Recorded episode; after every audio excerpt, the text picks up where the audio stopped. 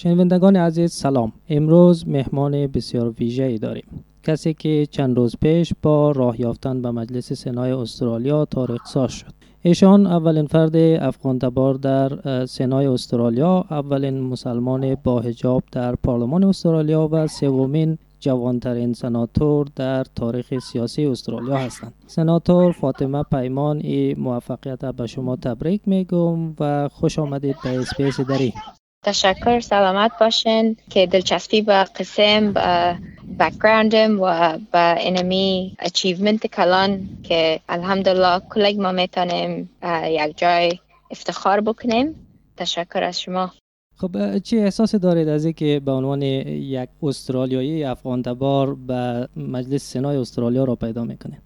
بسیار بر من عجیب است اما چرا که وقت امیر گمان نمی‌کردم که یک روز امکان می داشت که من به Australian politics داخل شوم با او را از نگاه یا حیثیت یک senator یکی از آرزوهای پدرجانم بود که خداوند رحمتشان کنه که یک روز ما به سیاست داخل شوم. اما هیچ وقت به فکر از ما هم ای گپ نبود که من به استرالیا یک senator میشم اما الحمدلله کلگیش نعمت های خداوند است. که مرا به اینمی سیچویشن قرار داده و بسیار شکرگزار هستم که تنها استرالیایی ها را نه بلکه افغان ها و مسلمان ها را می‌تونم رپرزنت کنم.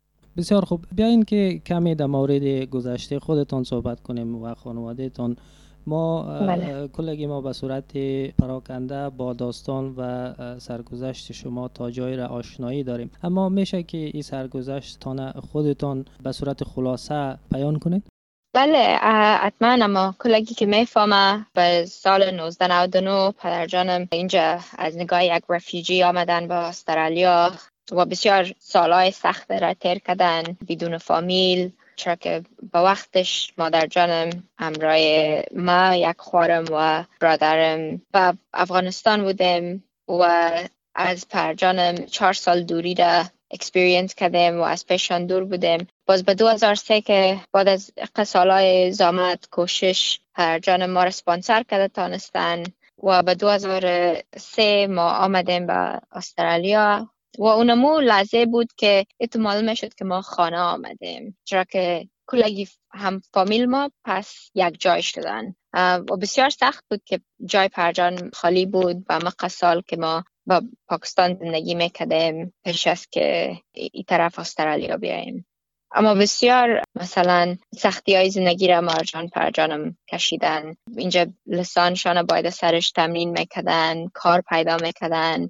اینجا مثلا بلای برق و روزمره مصرفا مکتب فیسایش کل چیزا که هم نبود و هم کوشش می‌کردن که ما افغانیت ما را از دست ندیم و هم به سوسایتی استرالیا و اجتماع کانتریبیوت کنیم و کش می‌کردن که امو دین ما را از دست ندیم و از خاطر به مکتب استرالین اسلامیک کالج ما را ثبت نام کردن و مکتب ما را اونجا خلاص کردیم اینجا که دفعه حال آمدیم کم ذره مشکل بود که آدم بلد شوه اما بسیار وقتی که سنتان خورد می باشه بسیار به زودی ادپت می‌کنین و الحمدلله شکرگزار خداوند هستیم که نمی نعمت را نصیب ما کردم بسیار خوب. شما یادآوری کردین که از پاکستان اینجا آمدین. یعنی در زمانی که پدرتان به عنوان پناهنده در استرالیا آمده بود شما در پاکستان زندگی می‌کردین. درست؟ بله خب. بله. درست است. از افغانستان خودتان چرا به یاد دارید؟ قضیه درنه.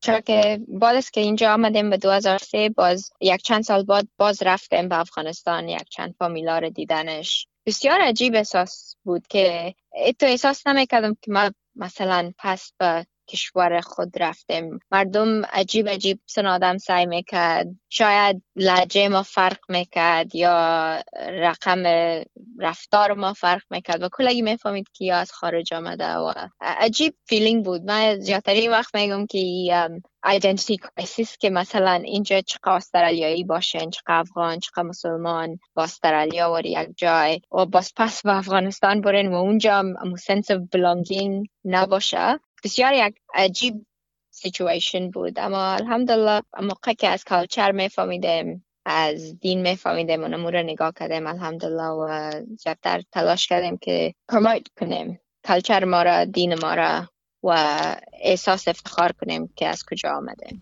هنوز اقارب دارید که در افغانستان زندگی کنند؟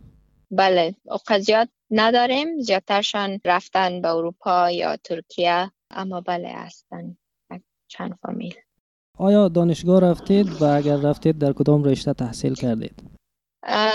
به University of Western Australia از Anthropology and Sociology graduate کردم سال اولم Biomedical Science خوانده بودم باز Anthropology and Sociology را که تمام کردم باز به رشته Masters of Pharmacy رفتم که به ضمنش به politics join کرده بودم باز اون master ی ما به Pharmaceutical Sciences تغییر کردم و حال فعلا master ی ما به Public Policy خونده رستم آیا شخصا وضعیت افغانستان را مسائل جاری را در افغانستان دنبال می‌کنید؟ و اگر دنبال می‌کنید در مورد وضعیت فعلی که در افغانستان جریان داره خاصتا وضعیت زنا چی نظر دارید؟ وقتی که خبرها رو میشنم بسیار جگرم خون میشه که به ایالت رسید افغانستان و زنا اونمو فریدم یا اپیچونیتی رو ندارن که تحصیلشان پیش ببرن یا کار بکنن. دلم بسیار برشان خون میشه. و یگان وقت تو احساس می‌کنم که اگر او یک اپچونیتی خوبتر می بود افغانستان بسیار پیش می رفت خب شما از پدر مرحومتان به عنوان یک الگو در زندگی خود یاد کردید.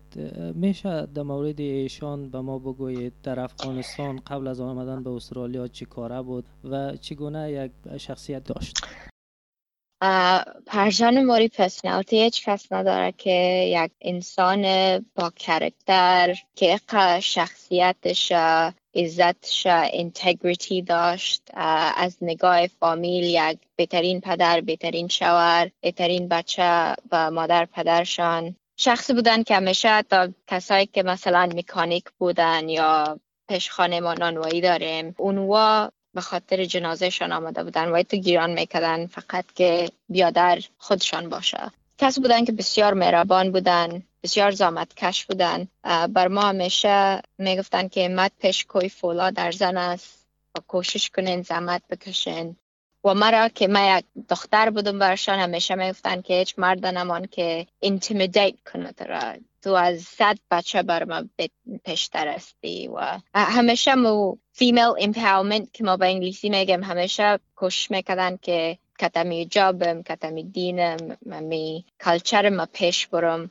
شوا تیرم می‌شد که مثلا سر میز نان می بودیم و ایواز یک ساعت سه ساعت تیرم شد به باره politics business هر چیز. بسیار علاقه داشتن.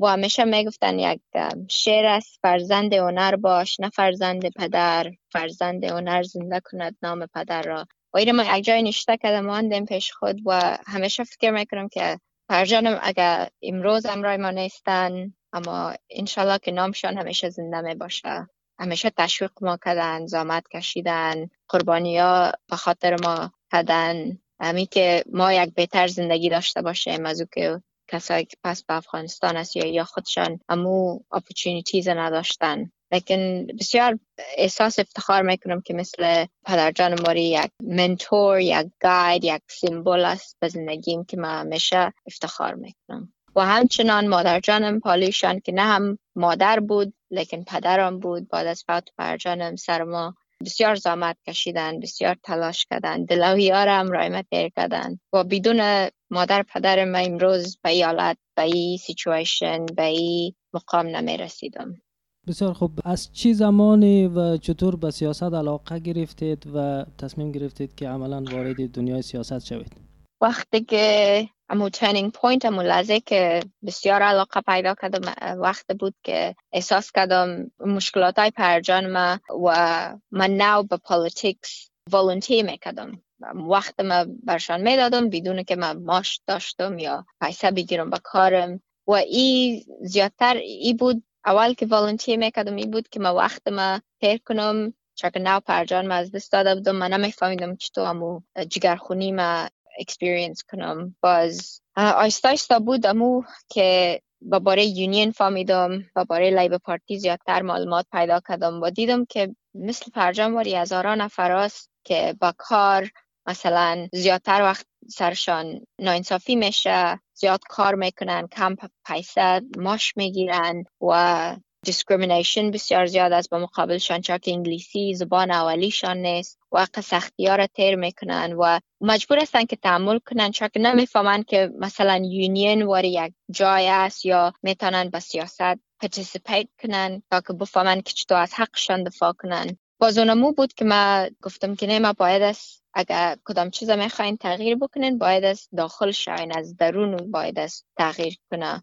و کسایی که کاریگر است نباید از تعمل کنه bad working conditions یا I mean, racism, discrimination چرا که ماجر هستن یا لسانشان لسان اولیشان انگلیسی نیست. بازمو بود که زیادتر تب تلاش کردم تا که بفهمم و انوالو شوم. و باز ای اپورتونیتی که آمد که من نمبر سه خود ما کاندید کنم از طریق سپورت United Workers Union که اونم اونجا به حیث یک organiser کار می‌کردم. باز زیاد تشویقم کردن و گفتن که پشت استاد هستیم نامته بان امکان داره که نبری اما بسیار خوب experience می باشه که باز اگر به آینده خود کاندید کنی زیادتر چانس داری. بله.